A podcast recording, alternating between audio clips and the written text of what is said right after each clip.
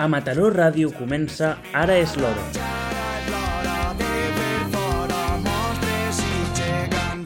Seràs la veu d'eixe poble que crida, que es deixa la vida, que mira endavant. Seràs camí, seràs port diluïda entre besos i arraps. Serem l'exèrcit que no vol la guerra, que es cuida la terra. La Viquipèdia celebra el seu 20è aniversari. El 15 de gener de 2001 naixia l'enciclopèdia lliure que tothom podia editar en versió en anglès.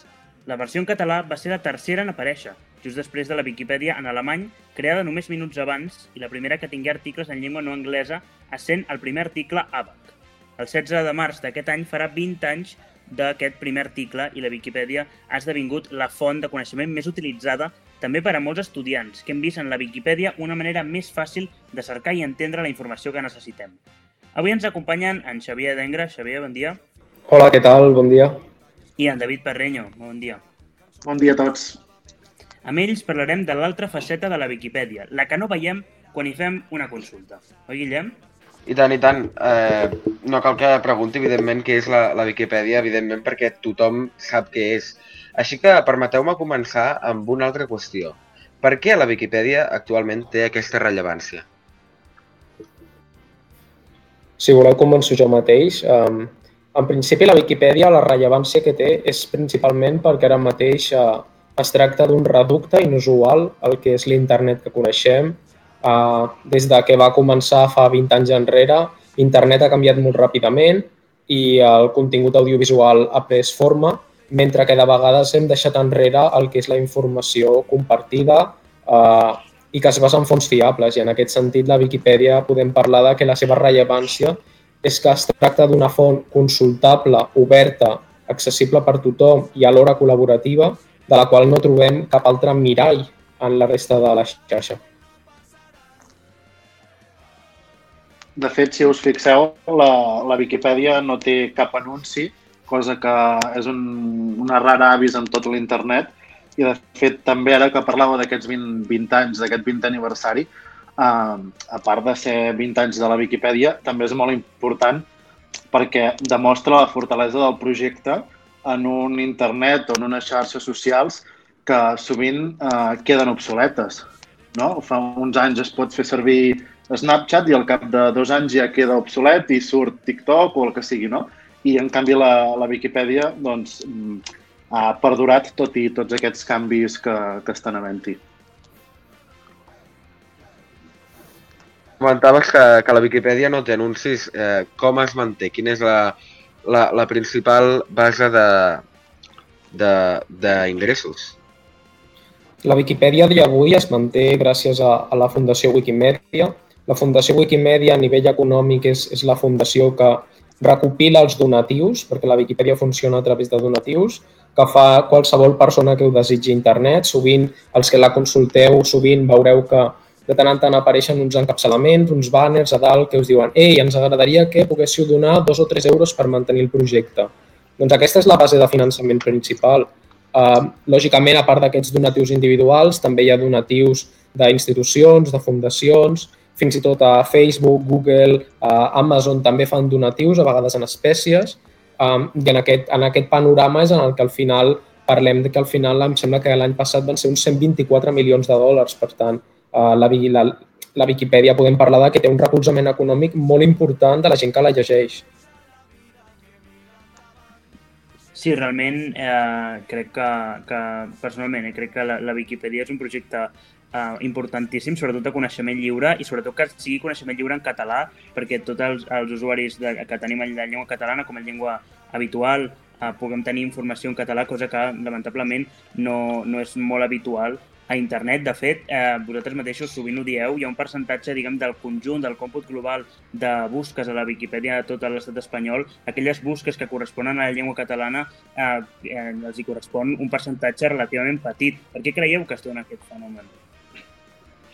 Uh, hi ha un factor que és claríssim, que és uh, la llengua en què estan configurats la majoria de, de navegadors, de, de mòbils, d'ordinadors, de tablets, etc, que sovint uh, venen configurades per defecte en castellà o en anglès. Fins i tot en aquells ordinadors de la pròpia administració pública o que fan servir alumnes en els instituts o les universitats, etc. I això realment uh, és un fre molt important perquè navegadors com Google, uh, si tu tens uh, el dispositiu configurat en castellà, um, és molt probable que en les cerques uh, prioritzi aquesta, a la Viquipèdia en aquesta llengua que en català. Això és un, un, un, fe, un fre claríssim i que segurament marca una, una divergència amb la quantitat i qualitat d'articles que hi ha en català. És a dir, ens estem trobant que la Viquipèdia en català és una de les que té més articles, com heu explicat vosaltres, va ser la, una, la segona en crear un article fa 20 anys, però tot i així eh, rep poquíssimes visites en català per les que podria rebre pel nombre de, de parlants. Exacte. A part, sí, sí, perdó. Endavant, no, jo, jo volia afegir en aquest sentit que crec que és una mica el mateix. No? Ens trobem en una societat digital que canvia constantment i en aquest canvi continu, eh, al final qui acaba perdent són les llengües petites. Vull dir, Uh, L'internet en el que ens trobem està dominat, i això no passava fa 20 anys, perquè abans era una internet més descentralitzada i redistribuïda. Ens trobem que ara mateix són molt poques companyies les que dominen l'internet global. I aquestes companyies, en tant que són privades, aposten per la seva pròpia i única retribució econòmica i això no repercuteix en llengües petites. Llavors, en tant que això uh, provoca que al final els, els propis usuaris passem bou per bèstia grossa, és a dir, ah, ostres, aquesta aplicació no està en català, bé, la faré servir en castellà o en anglès. En tant que això va passant i va afectant sobretot a les generacions més joves, això implica que alhora hi hagi menys consciència lingüística i és un dels motius pels quals, unit a que els propis dispositius no són en català, que la gent diu, ostres, doncs si l'article que m'ha sortit és en castellà o en anglès, per quina necessitat tinc de llegir-lo en català? I així és com mor una llengua. De fet, I... uh, Sí, sí, no, endavant. I de fet, sí, sí. No, i que de fet i, uh, hem d'intentar desmentir la creença de que en anglès o en castellà trobarem més informació. Uh, això és clarament fals i hi ha molts articles de diverses temàtiques com òpera o els mamífers o moltes altres temes que podríem dir a la Viquipèdia en català són, estan molt més coberts en català que en altres idiomes. I això és important que se repeteixi perquè hi ha gent que pensa no? o, o en general pensem que trobarem més informació en castellà o en anglès o en llengües grans, francès, etc que en català i, i a vegades no és així. Ara estava fent un cop d'ull amb unes dades que són els 1.000 articles fonamentals que tota Viquipèdia hauria de tenir i que, de fet, la, la versió en català és la que té millor puntuació, eh, superant idiomes com el rus, l'anglès o, o el castellà mateix i ho porta sent des de fa 7 anys. Vull dir, crec que estem parlant des de l'any 2013, no sé si finals de 2012 inclús, eh, que el català sempre està allà, és la llengua pionera, de vegades eh, amb el txec em sembla que és o el serbi passem a ser segona, però sempre estem entre el top 3 i això demostra que, que a nivell d'edició ja, ja... Nosaltres parlàvem fa molts anys, no? que érem la Catalan Army, no? ens coneixien a, a nivell internacional, eh, tenim viquipedistes que són molt aferrissats en mantenir la qualitat i és un de les dins la pròpia comunitat crec que hem, hem fet un pas molt, molt positiu en migrar del que és l'esperit de quantitat a la qualitat. Vull dir, hem fet una frenada els darrers anys, crec que en nombre de, de quantitat d'articles creats, però hem passat a, a tenir-ne de millors, a centrar-nos en fons, eh, en, en referències, en distribuir biaixos i temàtiques, i crec que això no deixa de ser positiu, malgrat el tema de les lectures, òbviament.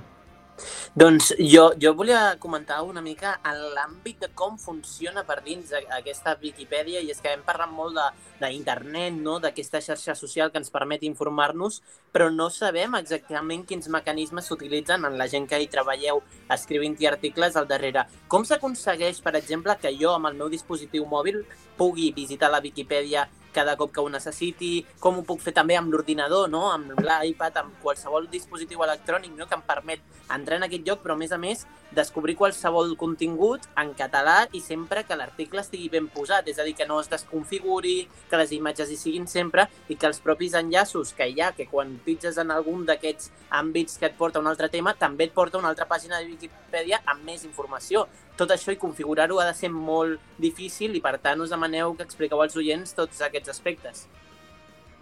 Això és bàsicament, la màgia d'això és la comunitat, que és, a vegades és una cosa difícil d'explicar, però és la, tota la comunitat eh, d'usuaris de forma horitzontal, sense que hi hagi un comitè editorial o un comitè que els dirigeix, que s'organitzen, cadascú amb les seves temàtiques preferides o amb tasques. Hi ha usuaris que es dediquen més a crear articles, hi ha altres que es dediquen més a revisar-los, a millorar-los, a afegir referències, a afegir fotos que comentaves, a afegir enllaços, etc. I, bueno, breument, per exemple, ara que preguntaves com, com treballem, per exemple, en cada article hi ha una pàgina de discussió, uh, que és una pàgina on, per exemple, si hi ha dubtes, millores a fer en aquell article, mm, doncs la mateixa comunitat, els mateixos usuaris poden parlar i dialogar entre si i també és una, una via per millorar aquests articles. Jo respecte al que ha dit el David afegiria també que, òbviament, eh, sí que hi ha uns requisits eh, tècnics, no per editar, sinó per existir la pròpia Viquipèdia, i és el que coneixem com el codi wiki. Eh, la Viquipèdia, si té una cosa particular respecte d'altres, és que vosaltres, per exemple, entreu a un web de qualsevol institució i veieu que, ostres, un web molt... Sigui, és un web molt polit a primera, a primera vista, amb una interfície molt maca, i potser la Viquipèdia en té una que no és tan agradable, però és perquè està basada en aquest codi wiki, no? que és, és una barreja de, de HTML, bé, té unes característiques concretes, però, però fan que quan algú intenta editar d'alguna manera és molt uh, intuitiu. D'acord? Ara potser això s'ha perdut perquè des de fa uns anys tenim un editor que permet que no calgui barallar-se amb el codi d'alguna manera, però els que ho vam editar, els que vam començar fa molts anys, per exemple, el David i jo vam començar amb 13-14 anys cadascun, vam començar editant amb, amb codi. I direu, ostres, amb codi, amb 13-14 anys. No, no cal ser molt avispat, simplement la manera que teníem abans era veure, veure com estava editat el codi d'un article i més simplement el copiàvem i canviàvem el contingut. I així amb el temps vas aprenent, eh? i crec que també el fet de conèixer una mica el codi de la Viquipèdia pels que l'editen eh, ajuda molt a després saber com enfocar jo a una interfície més accessible pel mòbil, a com mostrar una taula més maca, a com mostrar una imatge més ben posicionada. Aquesta essència no, de la Viquipèdia, diguem, és una enciclopèdia però de codi wiki. Doncs aquest codi wiki és, és també una cosa, un fet de posar en valor, perquè també va ser disruptiu en el seu moment en el panorama d'internet. Sí, ara ens parlava una mica de com funcionava, ara tot just que la Viquipèdia fa 20 anys, com funcionaven els orígens, amb el codi, ara amb una interfície eh, que permet no, no, no ser expert en codi i igualment poder editar, però una cosa que sí que hem vist que la Viquipèdia ha impulsat, la Viquipèdia en català ha impulsat en els darrers temps, són sobretot les xarxes socials i en especial el Twitter, en el qual veiem sempre com intenteu veure en funció de l'actualitat del que hagi passat, aprofitar un article per donar-li un doble sentit, una mica de joc, i us heu fet en, en moltes ocasions absolutament virals a la comunitat catalana de Twitter per aquest doble sentit que li doneu. Com va sorgir aquesta idea? És a dir, d'on va sortir això de, de dir, va, anem a donar-li un doble sentit a l'actualitat amb els milers d'articles que tenim a la Wikipedia? Al final nosaltres el que fem és la Viquipèdia és una enciclopèdia que està feta per les persones i està feta de les persones cap a les persones. I, i quan, en el fet de que la Viquipèdia la pot editar tothom, la informació l'hem de fer accessible perquè també la pugui llegir tothom. Uh, un article l'ha d'intentar, l'ha de poder llegir una persona d'entre, una persona, posem, eh, de 8 anys, però també una persona de 90. Llavors, nosaltres no podríem entendre que la comunicació d'una enciclopèdia que està feta, feta d'aquesta manera no tingués unes xarxes socials que també expliquen la informació de forma planera. Llavors, seria, seria irresponsable, penso, eh, de que si hi ha, hi ha una, una tendència o que si s'està debatent un tema concret, que la Viquipèdia no pugui, no pugui donar context a aquesta informació. És a dir, nosaltres ens posem la jaqueta del que, del que, ens està, del que està llegint o el que està uh, mirant a Twitter i diem, ostres, de què s'està parlant? No? Podem nosaltres aportar context, podem portar actualitat, fets rellevants que permetin a aquesta persona millorar l'esperit crític. Òbviament, a vegades, eh, és com dius, no? juguem una mica al fet de dir, ostres, s'està parlant d'un tema concret, anem a donar-li una volta més perquè el propi lector pugui crear una analogia, no? És a dir, si s'està parlant, no ho sé, eh, d'un tema polític, però nosaltres podem parlar d'un còmic, d'una sèrie, de música, visibilitzar altres, altra cultura, arts, i que puguin estar relacionades amb aquest tema, nosaltres ho aprofitem. I crec que això també posa en valor el projecte i dir algú que podria dir, ostres, la Viquipèdia és un projecte que no m'hi llançaré mai, doncs diu, ostres, és que això m'està interpel·lant, no? Està, és una informació que està feta perquè jo la pugui llegir sense, sense tenir cap especialitat i amb això ens ha portat nous editors, clarament. I eh, en aquest àmbit també que, que comentàveu, no? de, de tota aquesta comunitat que es genera, eh, igualment hi ha, hi ha molta gent que utilitza el català, som milions de catalans els que vivim a, a terres i a països catalans, i jo el que us volia preguntar era en referència a totes aquestes iniciatives que donen suport a la nostra llengua, com és arroba som la incorrecta, no? també un portal que intenta eh, fer èmfasis de, de la nostra llengua, o la pròpia plataforma per la llengua. Eh, igualment, eh, encara que Wikipedia abarqui tanta gent no? i que sigui tan important, trobeu a faltar al darrere les institucions i el suport a la nostra llengua o simplement és que això és de la gent i que, per tant, millor que els polítics no s'hi fiquin?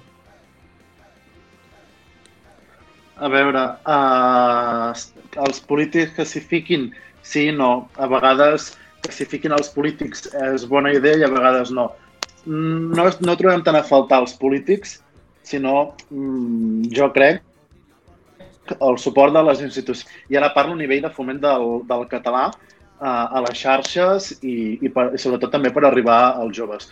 Nosaltres a la comunitat uh, tenim ja un grup de, de joves viquipedistes i, i és una de les coses que, que parlem més sovint, que, que segurament els joves, uh, les aplicacions que, que ara estem o estan fent servir moltes no estan en, en, en català o el contingut el que s'està creant a YouTube, etc eh, no està en català i, i caldria donar més claríssim a la Viquipèdia i abans ara mateix és gairebé com un reducte de, del català al, a internet. Jo diria que al final no necessitem tant polítics, sinó que necessitem polítiques. Uh, la Viquipèdia és el reflex de la societat i és el reflex de la societat en català que hi ha internet. Llavors, uh, si no hi ha polítiques que garanteixin que el català podrà seguir sent uh, utilitzat a internet, la Viquipèdia se'n ressentirà. Llavors, aviam, mm, la Viquipèdia com a tal uh, no, es pot, no, no té gaire sentit que es pugui posicionar políticament, però, però ho ha fet en el passat. Eh? Vull dir, uh, per exemple, amb, amb, amb decisions del Parlament Europeu sobre, sobre articles conflictius, sobre directives conflictives, s'ha posicionat i hem tancat la Viquipèdia per aquest motiu. Jo espero que mai haguem d'arribar al punt de tancar-la per, per cap mena de problema lingüístic, uh, perquè llavors sí que la cosa seria molt perillosa, però, però òbviament el que es a faltar és uh, in, per dues bandes. Eh? Al final la Viquipèdia és llengua, però també és coneixement lliure.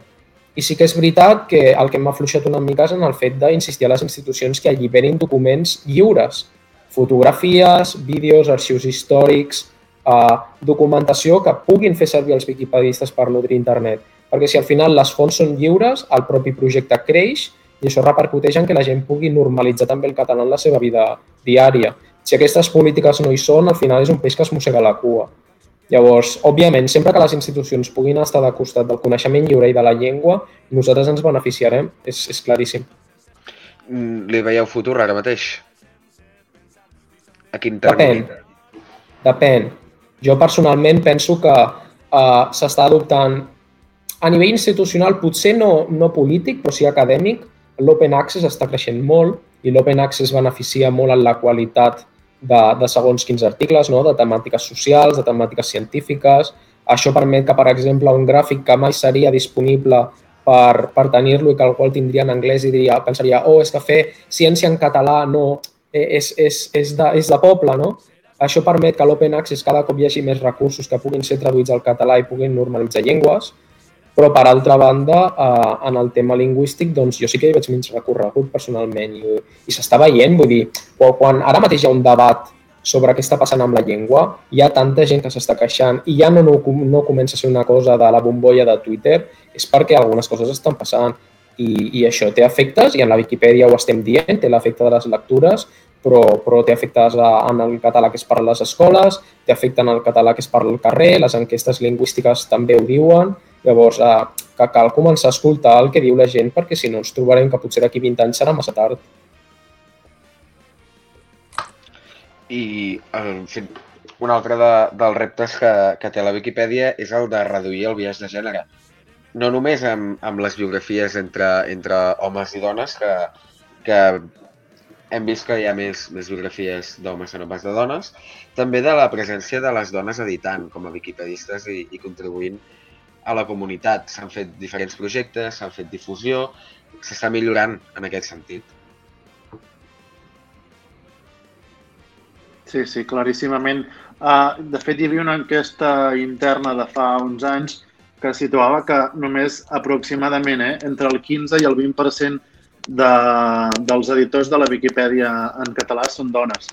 Això és baixíssim i és més o menys uh, justament el tant per cent d'articles que hi ha sobre, sobre dones a la Viquipèdia, tot i que són indicadors que, que últimament hem anat millorant. Per exemple, aquesta tardor es van arribar a les 30.000 biografies de dones. Uh, hi ha diversos um, grups uh, repartits arreu de, del territori de, de Wikidones, de, de Wikimaratons uh, que es fan específicament per millorar biografies de dones i, i és una cosa que es va millorant de mica en mica, però molt lentament, perquè també és complicat revertir una tendència en els llibres que es, que es porta mm, patint des de fa segurament uh, segles que és que en les encès, en els llibres eh, que sempre hem tingut, eh, les dones han tingut un paper eh, supersecundari. No? I llavors, ara mm, s'està fent tota aquesta feina d'anar recuperant totes aquestes biografies i el paper de la dona. Sí, és com diu el David, eh, al final crec que no és una cosa de, només de la Viquipèdia, òbviament si, si a la Viquipèdia no funciona és perquè realment... O sigui, si a la Viquipèdia no hi ha més dones és perquè hi ha alguna cosa que no funciona i els que som del grup de mm, joves viquipedistes també ho estem veient, que mm, ara mateix eh, l'accés a la tecnologia i les capacitats tecnològiques són iguals per, per nois que per noies, però malauradament no veiem que entrin més noies a la Viquipèdia i això és un problema. Um, per exemple, e, és generalitzat a la tecnologia, vull dir que, per exemple, avui només siguem cinc nois és, és també representatiu d'això. Um, per exemple, ahir mateix veia el projecte Common Voice de Softcatalà, que és per recollir veus de, d'arreu de, del territori també falten dones. Um, afortunadament estan sorgint projectes com a la Viquipèdia és Wikidones, per exemple FibraCat Televisió, que està també molt enfocat al paper de la, de la dona i la tecnologia.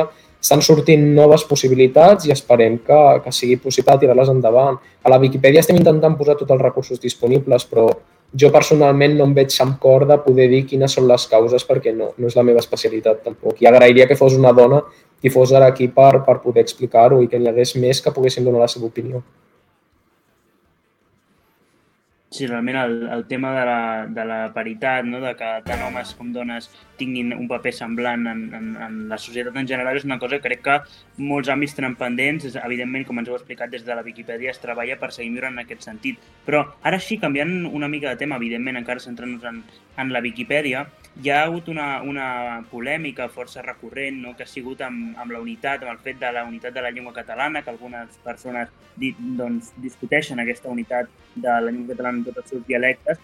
Hem vist, per exemple, plataformes com ara uh, un fandom anomenat Wikipedia Mu o, per exemple, l'enciclopèdia.org utilitza una interfície molt semblant, si és que no igual, a la que utilitza la Wikipedia. No sé què en penseu de tot plegat, com és que han sortit uh, aquests grups, uh, aquests grups de persones que discuteixen una evidència científica, com és la unitat de la llengua catalana, no sé què en penseu de tot plegat. Bueno, jo crec que són webs uh, que ara mateix ja són bastant minoritàries, són plataformes uh, que van tenir molts pocs articles, que no estan agrupats dins de la, del que seria la plataforma mare de la Viquipèdia, és a dir, que eren projectes independents que en cap cas tenien res a veure amb la Viquipèdia i que, i que ho feien segurament, i això ja és opinió personal, més eh, motivats per raons polítiques que no, que no pas res més. I el que sí que queda clar a la Viquipèdia a nivell oficial, això és claríssim, que el que parlem, quan parlem de la Viquipèdia en català, és el mateix que referir-nos a Viquipèdia en valencià o Viquipèdia en alguerès. Uh, tots són sinònims de, uh, i tots les variants dialectals tenen cabuda a dins de, de la Viquipèdia. Um, és, és, és el que diu el, el David, eh? vull dir, amb l'enciclopèdia.org ha hagut problemes perquè ells es venien com la Viquipèdia en valencià sí, i això, òbviament... Pràcticament igual, és a dir, ens recorda molt a la, a la Viquipèdia en català. I tant. Aviam, una de les, un dels avantatges és que el wiki, el codi wiki, els projectes wiki es poden replicar. I això és una de les avantatges que potser no hem comentat, no? Quan parlàveu com és que la Viquipèdia, el codi wiki és accessible, doncs perquè precisament es pot replicar i qualsevol persona pot crear un wiki. Ara bé, quan es juga a la, a la, a la confusió entre què és una Viquipèdia oficial o quin és un projecte que intenta aprofitar-se de la nom de la Viquipèdia, això és un altre tema. A mi jo diria que m'amoïna tant el fet de la divisió política de la llengua, és a dir, nosaltres no parlem de que eh, el castellà, l'argentí o el xilè són llengües diferents, eh, però s'utilitza aquest argument polititzat per dir que el mallorquí, el menorquí i l'evicenc són llengües diferents. M'amoïna també el fet d'aquells que critiquen que nosaltres ens referim a la Viquipèdia en valencià, com si eh, la denominació històrica de valencià no fos també vàlida. És a dir, eh, és, és una denominació històrica per la llengua i eh, el fet d'aquesta denominació mereix el mateix respecte i fins i tot més pel fet de que tenim molts continguts infrarrepresentats a la Viquipèdia. Per tant, jo content de, de poder difondre el que ha dit tant la Viquipèdia en català com en valencià perquè són la mateixa llengua i són el mateix projecte i ho hem de normalitzar i com més ens ho creiem, més gent aconseguirem a, a, a, a, a, aficionar perquè editi el projecte i vegi això com una cosa un fet totalment normal i corrent. Un, un últim apunt eh, que voldria fer és el, el tema de, de cercar certa, certa objectivitat, certa neutralitat. Les pàgines de, de discussió, com, com heu apuntat, és un punt de, de, de debat per uh, trobar la, la, la definició més encertada per tots els articles, tot i així hi ha hagut articles plens de, de polèmica. Em ve al cap, per exemple, Cristòfol Colom, que va tenir dos anys de discussió, o, per exemple, eh, l'organització armada ETA, o, o País Valencià, que, que fins i tot ara encara eh, segueix eh, discutint. O inclús Catalunya, no? que en el, en el, l'octubre del 2017 va arribar-se a bloquejar l'edició lliure de, de la pàgina. Uh, és un fet totalment uh, sociocultural, és a dir, uh, a vegades la gent es sorprèn no? quan expliquem que les Viquipèdies no són neutrals, no són plenament neutrals perquè reflecteixen el viatge que té aquella societat cultural. I això és així, vull dir, a la Viquipèdia hi ha articles que s'han lluitat moltíssim per aconseguir la neutralitat, o al màxim possible de la neutralitat basat en les fonts existents i són el de Cristòfor Colom. És a dir, eh, eh, jo crec que és un èxit absolut que un article com el de Cristòfor Colom, després de tants anys de discussió, hagi aconseguit ser un article eh, totalment reflectint la diversitat d'opinions, la diversitat de fonts, eh, compensant-les entre elles i equilibrant-les. Um, al final, a la Viquipèdia trobaràs articles polèmics, que són Cristòfor Colom, com és Catalunya, com és el concepte de terrorisme, uh, però t'aniràs a la Viquipèdia en anglès i et trobaràs eh, que l'avortament, per exemple, és un article extremadament polèmic. Eh, en segons quines llengües et trobaràs que articles sobre colonialismes ho són. Um, I al final, aquí el que sempre, sempre hem d'intentar d'aprendre és que com més gent revisa aquest article i més fons hi són en joc, més possibilitats hi ha que aquest article vagi creixent, creixent d'una manera neutral. No sé, David, tu què en penses respecte a això? Sí, sí, estic totalment d'acord amb tu que, que és un, segurament és un viatge eh, sociocultural, és evident. O, per exemple, per posar un altre exemple, el tema de, dels vikings. No és el mateix eh, els vikings vist des de la posició de que són eh, un, un poble que ens va invadir, que no pas des de la posició de que va ser uh, una gent que va anar a obrir camí en el nou món, no? Una mica, bueno, són aquestes coses que segurament en cada, en cada Viquipèdia uh, reflecteixen el seu punt de vista més proper. Lo bàsic, bàsic, bàsic, fonamental per la Viquipèdia és el tema de, de les referències, com comentava ara en Xavier. Volia afegir eh, simplement que aneu a la Viquipèdia en anglès i veieu quants articles es refereixen als Estats Units d'Amèrica com a Amèrica. És a dir, i considereu quina posició, potser en una llengua minoritzada de, de, de, Sud Sud-amèrica, uh, o sigui, aquí, aquí no, també és veure què fan les altres llengües, perquè a vegades pensem, ostres, és que nosaltres és impossible que siguem neutrals perquè la Viquipèdia està polititzada. Al final no és que estigui polititzada, és que la gent que l'escriu té, té unes assumpcions culturals que són impossibles a vegades de, d'esvair, no? I, I això passa en qualsevol llengua i a vegades les llengües grans tenen una, refla, una manera de reflectir la realitat que és diferent la de les petites perquè al, al cap i a la fi aquestes llengües les han viscut de maneres contraposades. David Parrenio, Xavier Dengra, moltes gràcies per, per acompanyar-nos, eh, per commemorar aquest 20è aniversari de la Viquipèdia. Recordem, el 16 de març serà l'aniversari de la Viquipèdia en català i esperem que tots els oients hagin pogut gaudir d'aquesta xerrada i sobretot que consultem la Viquipèdia en català i fer una petita aportació, una edició, una referència o fins i tot un petit donatiu per contribuir a mantenir aquest projecte. S'havia estat cultivant per Grècia i havia après que és tan important viatjar. I jo escoltava i deia, sí, sí, Bon dia! Avui, a la secció La Perspectiva, parlem sobre els diferents tipus d'estudiants.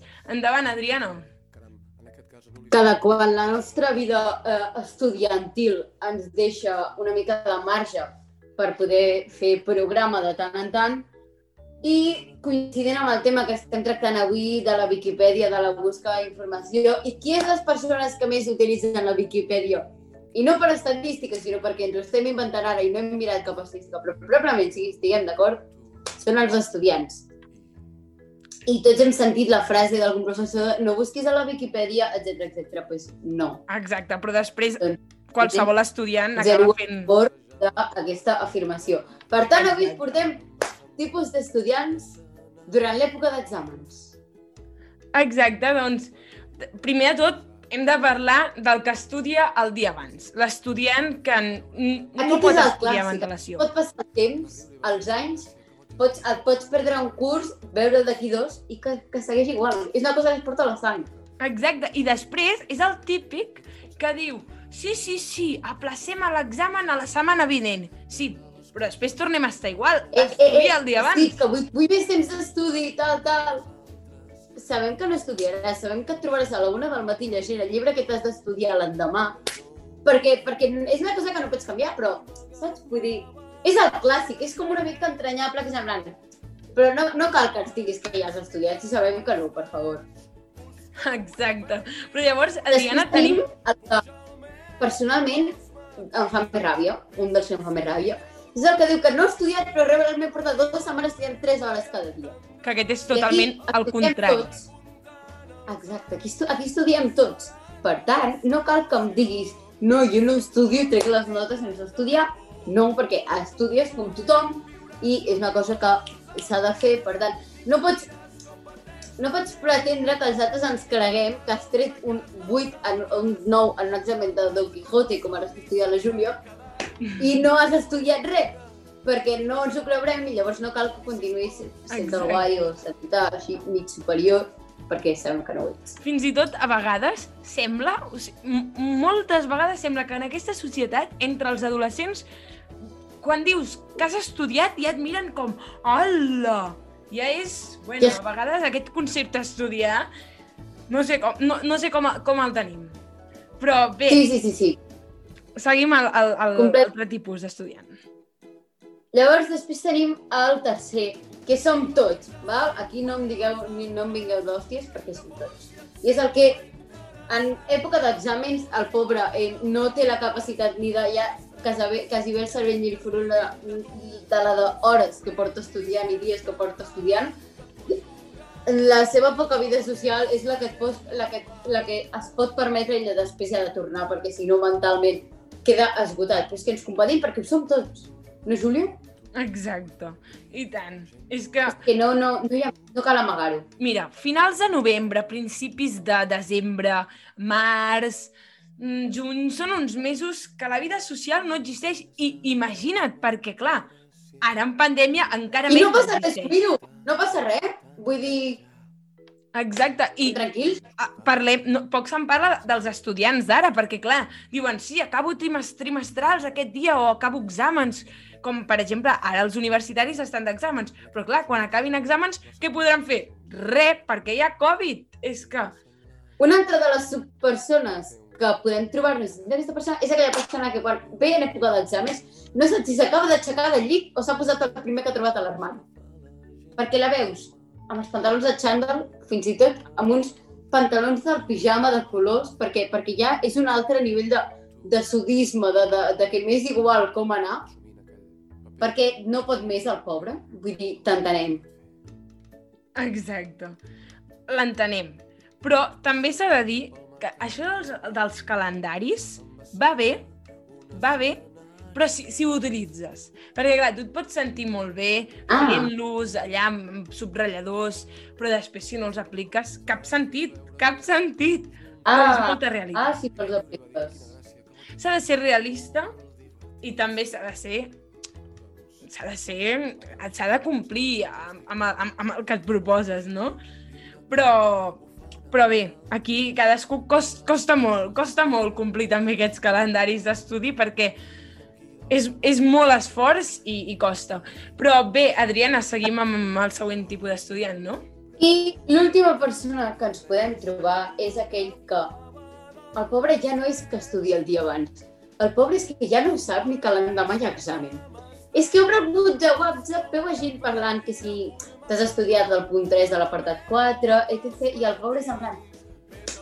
Renoi, si, és, si tenim examen de català demà mateix, llavors a les 9 del vespre considera que és una bona hora on tothom està perfectament despert i amb capacitats per respondre i contesta tots els dubtes que té sobre un tema de 15 pàgines en un temps màxim de 10-15 minuts, no, Julio? Exacte.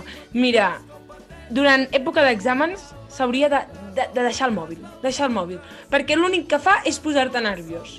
És posar-te nerviós. Ara un missatge. Em pots passar els apunts de no sé què?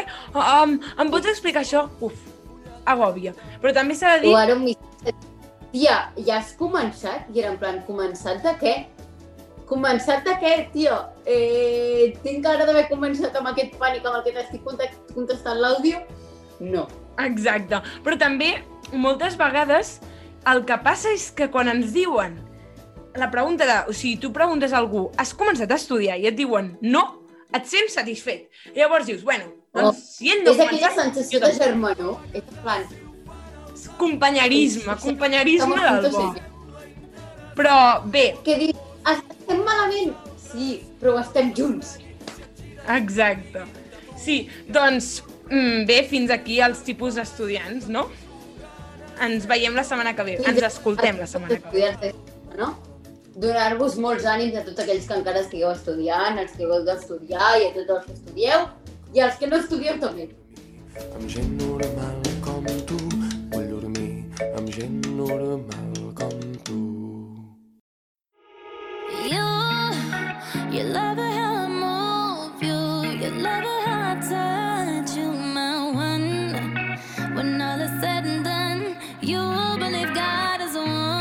Hola a tots, eh, una setmana més. Aquí la nostra secció de Ni un dret menys, l'Àngela Reyes i jo, la Lola Medina.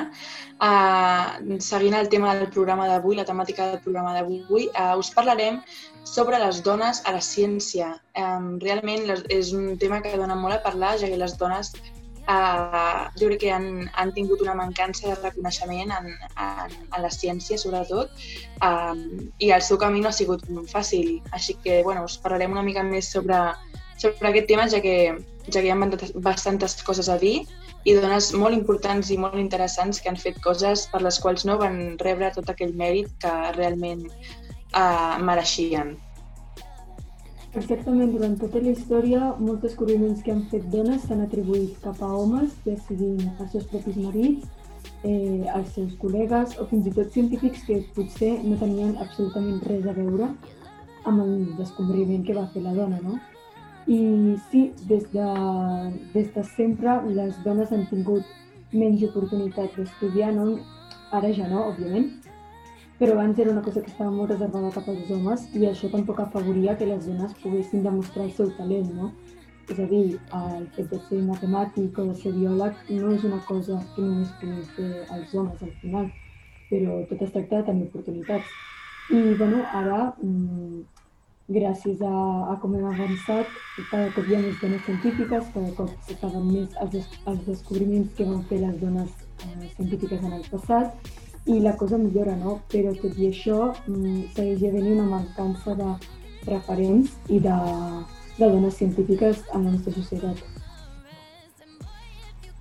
Doncs sí, jo crec que ara quan pensem en, en científiques, noies científiques, dones científiques, ens ve al cap la imatge, de, jo crec que Marie Curie i poques dones més, si ens hi parem a pensar. Jo, crec, jo crec que noms d'homes se'ns poden acudir bastants, però realment dones uh, no hi ha tantes i més en la història més passada, ara al present si van, ens hi anem guanyant més, més un lloc en, en la ciència, però en el passat de dones que hagin sigut realment um, realment atribuïdes amb els mèrits que, que necessitaven o de dones que hagin sigut, sigut reconegudes com a bones científiques.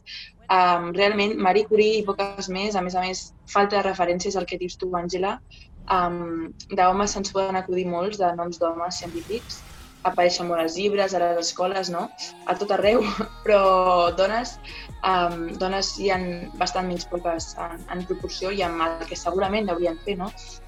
jo crec que les dones sempre han tingut un lloc important en la ciència, però no han sigut reconegudes. Jo crec que sempre han viscut en aquesta ombra perquè eh, realment van ser igual, o sigui, som igual de capacitades per fer-ho, però segur que i a poc a poc van sortint moltes dones que, que estan darrere de, de, de descobriments, d'investigacions que, que no se sabia fins ara, no? d'investigacions que s'han fet ara que han descobert. Doncs tal dona va, va fer això realment, no va ser aquest home que, que se va atribuir el mèrit, uh, sinó que a més a més, a part d'aquestes que ja sabem que, que realment no van rebre el reconeixement i que ara sí han estat reconegudes un cop ja mortes, la majoria de dones, uh, moltes dones uh, segur que viuen encara en l'ombra i falten per descobrir molts descobriments que, seguim creient que es van fer homes, segur que en molts d'ells hi havia dones al darrere que mai van rebre aquell, aquell enfocament no, que realment necessitaven i mereixien per la seva feina. Sí, exactament, i és això, hi ha una mancança de referents molt forts perquè jo, per exemple, estic fent el batxillerat científic i no estudio dones científiques. Òbviament perquè abans, si no tens l'oportunitat d'estudiar, no, segons l'època, doncs potser no hi havia tantes dones científiques però al només estudiar homes sembla que la ciència sigui un, un món només reservat als homes, no? I diverses carreres, diverses professions que només poden fer homes. Per exemple, s'atribueix molt a les dones el fet de ser infermeres o a vegades de ser metges, no? però molts cops quan veiem una dona amb una bata blanca com l'hospital ens pensem que és una infermera en comptes de ser un metge, no? i que els metges, que potser és una cosa com mm, no més sèria ni més important, però jo que sé, has d'estudiar no sé quants anys, no? Doncs això, com, com és així, va dedicat només als homes. Eh, per exemple, mm, tot el món de carreres més tirant cap al sector tecnològic, no? matemàtiques, física, les enginyeries, sempre dona la sensació que està reservada pels homes. I si les noies i bueno, les nenes al final no tenen referents de dones científiques, és que ni et planteges que tu puguis ser científica, no? És com si, com si directament et diguessin no, no, això no és per tu, perquè al no veure que hi ha gent com tu involucrada en aquests sectors, directament tu no, ni t'hi relaciones i és que ni, ni t'ho pots plantejar, no? I d'ara par, ara parlarem d'aquestes dones una mica més oblidades, no? I de tots aquests sectors de la ciència i tot el que han aportat i que no sabem. Doncs sí, um, bueno, m'agradaria començar aquesta, aquesta petita llista de dones que, que hem decidit uh, posar en aquest programa en, en, en la nostra secció, que creiem que han de ser una mica escoltades i conegudes el que van fer. Moltes segur que noms us sonen, però potser algun, algun encara és desconegut per vosaltres. Um, entre ells està Hipàtia d'Alexandria. Hipàtia d'Alexandria, uh, bueno, no és exactament quan va néixer ni, ni en quin moment va viure, però més o menys eh, aproximadament cap, es creu que cap a l'any 300 abans de Crist. Aleshores, és una de les primeres científiques de les quals es té referència, potser n'hi havia d'anteriors, però és la primera dona científica de la qual es té referència i bueno, es va dedicar mm, al món de la filosofia, matemàtiques i astronomia. Um, va fer bastantes teories sobre l'àlgebra, etc sobre l'àmbit de les matemàtiques sobretot, i ella va ser una dona afortunada, jo crec, dintre del que cap, perquè, bueno, dintre de l'època en la que va viure, va tenir l'oportunitat d'estudiar, perquè, bueno, com hem dit abans, Àngela, al llarg de la història, les dones han sigut molts cops privades de poder estudiar i poder fer el que realment um, volien triar fer. No? Aleshores, uh, ella va poder estudiar perquè el seu pare era un astrònom, eh, Taó, Um, aleshores, gràcies al, al seu pare, al càrrec i a, bueno, a les, al, a aquest, al seu pare científic, doncs va, va aconseguir poder estudiar amb altres homes d'aquella època. Aleshores, eh, a la part de, la part de que, o sigui, ella va, va superar molts filòsofs de la seva època, um, intel·lectualment i, i bueno, va fer grans descobriments. Um, aleshores va morir assassinada eh, per un grup de cristians i bueno, això és el que és un misteri a, realment com, com la seva mort va ser, però se sap que va morir assassinada eh, per un grup de cristians. Aleshores, Hipatia d'Alexandria va ser una gran referència en el feminisme, encara ho és. És un exemple de lluita no? i de tirar endavant, un gran exemple a, a seguir. Doncs continuem amb Marie Curie, que és la, bueno, una de les científiques, jo crec, més conegudes. Um, va néixer el 1867 i va ser una física i química polonesa. Ella va ser pionera de l'estudi de la radiació i va treballar doncs, um, diguéssim, al costat del seu marit Pierre Curie, um, ja que el seu marit estava fent uns altres estudis però va decidir ajudar-la perquè va veure que la seva dona va estar fe estava fent grans progressos. Aleshores, um, ells dos van estar treballant i van anunciar el 1898 el descobriment del radial poloni, dos elements nous que fins a aquell, fins a aquell moment havien sigut desconeguts i degut a les investigacions que havia fet amb radioactivitat amb el seu marit i Henry Becquerel, un altre científic de l'època, van ser premiats tots tres amb un Premi Nobel de Física. Um, tot i així, tot haver fet grans descobriments, uh, Marie Curie mai va arribar a tenir el mateix reconeixement que, que va tenir el seu marit, eh, ja que ell va començar a ocupar càrrecs de, en universitats, eh, va ser professor, i ella realment no van donar-li mai tot el mèrit, jo crec, que, que desitjava i que, que mereixia, no? perquè ella va ser realment la pionera de, de l'estudi de radiació en, en tots els homes i dones de científics. I a més a més també va rebre un segon Premi Nobel de Química, és a dir, va fer grans coses. I finalment va morir al 1934 eh, degut a la radioactivitat que, a la que havia estat exposada durant tots aquells anys. I bueno, per últim jo porto a Rosalind Franklin, que eh, va ser una, una científica, física científica anglesa que va néixer el 1920. Va treballar a la Universitat de Cambridge i aquí comença el problema que la van posar d'investigadora amb Maurice Wilkins.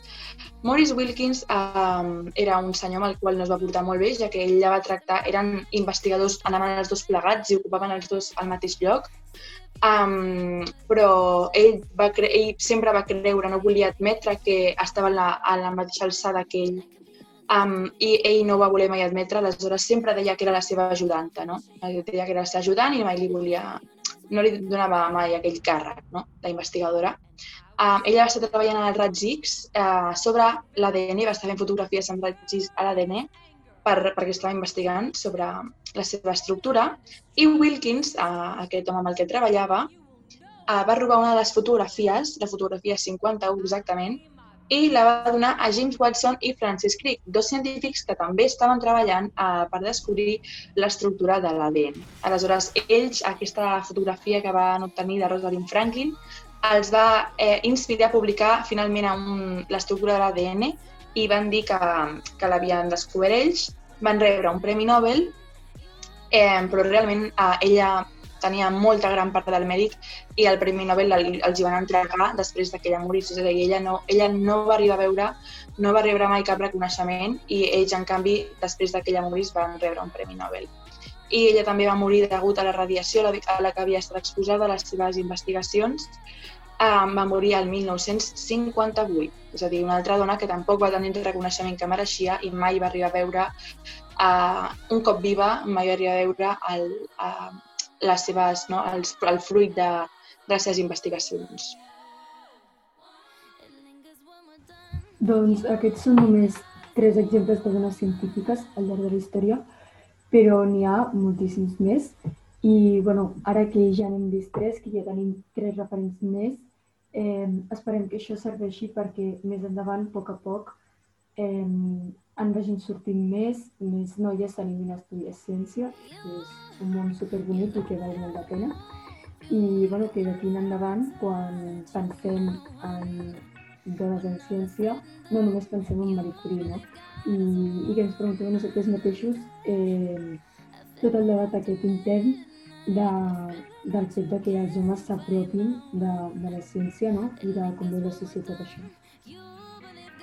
Exactament, esperem haver-vos inspirat i, haver, i que hagueu conegut una mica més el món de les dones de la ciència i, i això esperem, esperem que us hagi agradat a aquesta secció que us hem portat avui.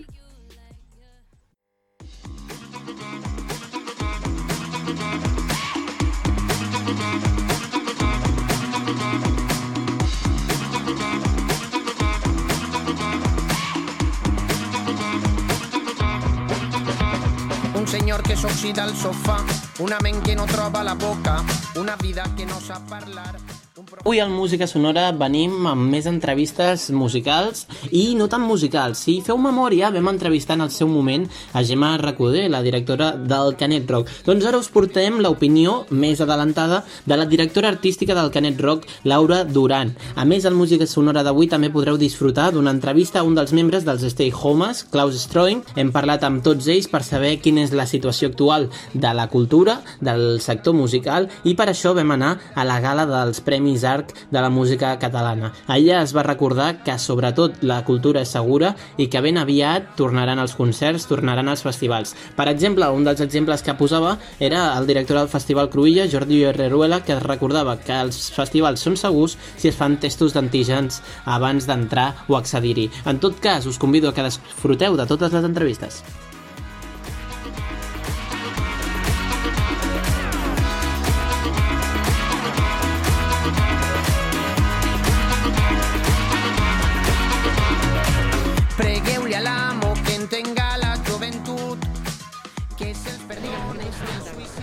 Doncs estem res a la sortida de, dels Premis Arc i hi ha la Laura. Eh, escolta, Laura, eh, per la gent que no et conegui, eh, recordem que tu formes part de l'equip del Canet Rock, però avui hem viscut una gala de premis que ha cridat molt l'atenció, sobretot per la situació que viu el sector. Eh, heu trobat a faltar potser el Canet Rock en aquestes mencions especials? Home, el, el Canet Rock hi ha sigut perquè només començar el, el, la gala doncs, han posat unes imatges on es veia que hem hagut d'ajornar un any al festival, o sigui que d'alguna manera sí que hi era. Um, penso que aquest any nosaltres potser no hem tingut la representació que han tingut altres festivals perquè nosaltres no hem pogut desenvolupar la nostra activitat i en canvi hi ha festivals que han tingut la sort que ho han pogut adaptar poc o molt i, i han pogut eh, fer el seu festival, no? encara que sigui en un format petit, encara que sigui amb unes mesures e- extremes, encara que sigui perdent diners, però és que nosaltres, pel tipus de festival que teníem, era impossible que aquest any poguéssim fer Canet Rock. I aleshores és, és, entenem que, que és normal doncs, que en aquest sentit no, no estiguéssim representats. De tota manera, estem molt, molt contents de, de la quantitat de, de promotors, de festivals que han pogut tirar endavant el festival i que, per tant, mereixien també aquest reconeixement avui. Escolta, Laura, a nivell musical, què, què suposa per tu que hi hagi una gala com aquesta i, i sobretot a nivell de, del Canet Rock, que quan vam parlar amb la Gemma també ens va dir que la situació personal de, de la gent que hi treballava era molt dura, s'havien viscut moments a, a nivell personal també durs i el fet de no poder treballar a l'estiu també. Eh, això ha canviat a mesura que ha passat l'estiu i hem vist que s'han pogut fer algunes coses? A veure, pel que fa a Canet Rock, Canet Rock hi treballa moltíssima gent, o sigui, tu has de pensar que aquella nit hi ha unes 1.000 persones que hi treballen, per tant, aquestes 1.000 persones no han treballat en tot l'any. N'hi ha que, que només hi treballen doncs, aquella nit, fent de cambrers, per exemple, però n'hi ha que hi treballem tot l'any, que no hem pogut treballar, i després n'hi ha que, que són com satèl·lits, no? els food trucks, eh, la gent de barres, etc. No? Llavors, tota aquesta gent realment s'ha quedat sense feina. Per tant, això sí que té un impacte econòmic molt greu en el sentit que, que hi ha tot una, tot uns satèl·lits, tot uns camins de persones que no han tingut la possibilitat de, de treballar i això afecta, lògicament, a l'economia, però també a nivell emocional ens ha costat molt d'acceptar no? Que, no, que no podíem desenvolupar la nostra activitat. Això ha sigut molt dur, sí. I, I per últim, Laura, eh, escolta, un missatge d'esperança, n'hem sentit molts durant la gala, eh, un missatge per part de l'equip del Canet Rock, eh, sé que no em pots dir res perquè no se sap, perquè aquesta situació és impossible, però la intenció hi és i esteu treballant des del minut 1, per, des de l'estiu, no? suposo que ja esteu planificant tots els possibles eh, drames que hi pugui haver per fer un Canet Rock, encara que sigui diferent, doncs tenir-lo, no?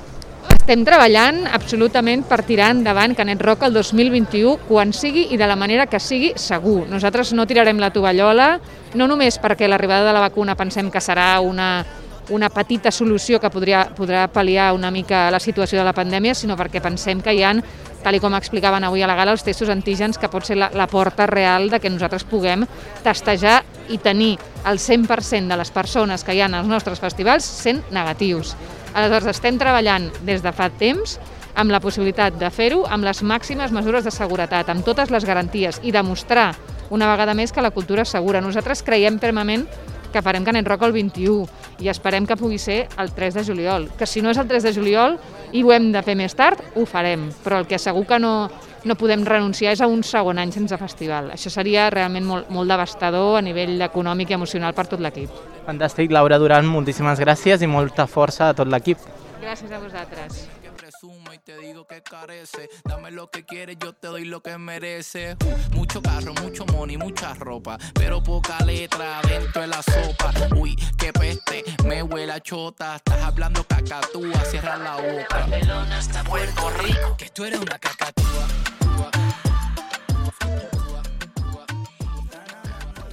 Doncs estem amb Klaus Stroing, eh, membre dels Stay Homes. Escolta, premi i reconeixement a, a, no són uns enderroc, però també suposen molt, no? Dic jo, aquests premis. Home, són, és, és superguai sempre rebre premis. De fet, avui volien dir-li reconeixements i no premis perquè és una mica raro poder donar premis a la música en directe en un any no, pràcticament no s'ha pogut fer o no s'ha deixat fer. Però sí, jolín, molt, molt contents i, i, i amb moltes ganes de que realment la penya que ha sortit aquí a parlar avui a dir que ui sí, tot anirà millor el... i que la gent programarà més i que la Generalitat donarà més ajudes i tot això, realment a veure si es fa realitat i si va acompanyat de tot el tema dels antígens i les vacunes eh, que, que també pot ajudar un munt. Escolta, Claus, una pregunta així molt ràpida. Eh, què és per vosaltres eh, arrasar amb tot? Que Stay Homes, eh, de ser un projecte que de fet ho heu dit en els agraïments, no? que no era quasi res, a ser tan bèstia, que tenir empreses i discogràfiques tan grans, què, què és per vosaltres? De fet vas amb dos premis, és que això és increïble eh, amb els pocs mesos que porteu eh, actuant i, i sent famosos, no?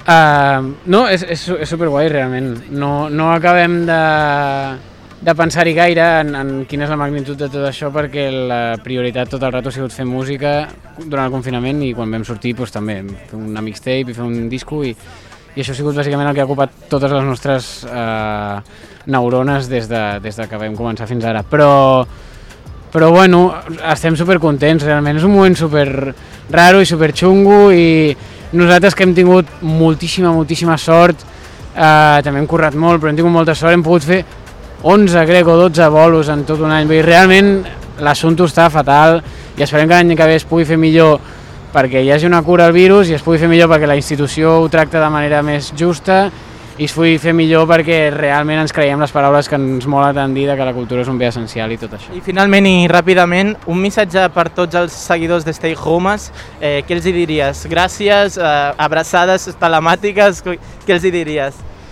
Hòstia, doncs que gràcies, que s'escoltin el disco, que se l'escoltin en ordre, si poden, perquè crec que mola molt més en ordre, o sigui, des, començant per la primera, eh, el disco i que merci per, per haver-ho escoltat i per haver-ho compartit i que la veritat que ens molaria molt veure'ls quan es puguin fer concerts, es puguin fer bé i la pega penya pugui saltar, ballar, emocionar-se i abraçar del costat amb les cançons, que al final és el que més mola de la música. Doncs Klaus Stroing, moltíssimes gràcies per aquests minuts que ens has cedit, membre dels Stay Homes. Esperem veure't aviat dalt dels escenaris amb els teus companys i que ben aviat rebeu uns enderroc. Aviam, aviam, aviam, aviam què passa, aviam si ens deixen. Moltes gràcies a tu. Ciao. Merci.